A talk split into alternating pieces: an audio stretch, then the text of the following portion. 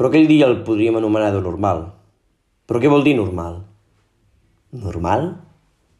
Normal per mi. Sempre hi havia alguna cosa que feia que un dia qualsevol guanyés punts. Un esdeveniment, una bona notícia, un descobriment. Però aquell dia no n'havia guanyat gaires. Hauria de destacar, però, bones notícies acadèmiques, però m'agradava començar a acostumar-m'hi.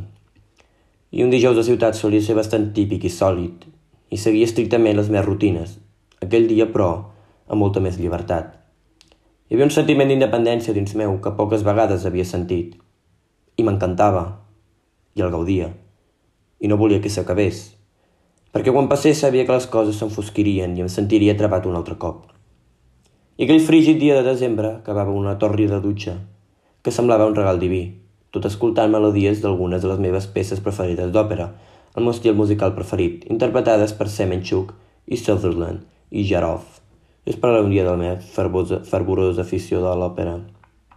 Cada dia solia escoltar la mateixa música. Sembla avorrit, però sempre trobava alguna cosa nova.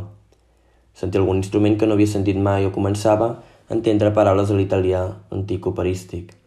Potser eren les greus i dramàtiques melodies d'Amneris o el dolor i patiment de la princesa d'Etiopia, que em tenien enganxat.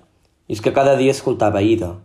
Estigués com estigués, Fos el dia que fos i fes la temperatura que fes, sempre l'escoltava. No sé tu, tenia algú que m'atrapava. De fet, m'havia tingut atrapat des de principis d'any. I no me'n cansava. I mai me'n cansaria. Bé, també hi havia lloc per il Trovatore o la Clemenza di Tito, però Ida mai fallava. Mai. I per acabar-ho d'adobar ens havíem inscrit per participar en un sopar solidari amb una aportació Càritas. I així ho vàrem fer, ben contents que varen quedar. Bé, potser teniu raó. No havia sigut un dia tan normal.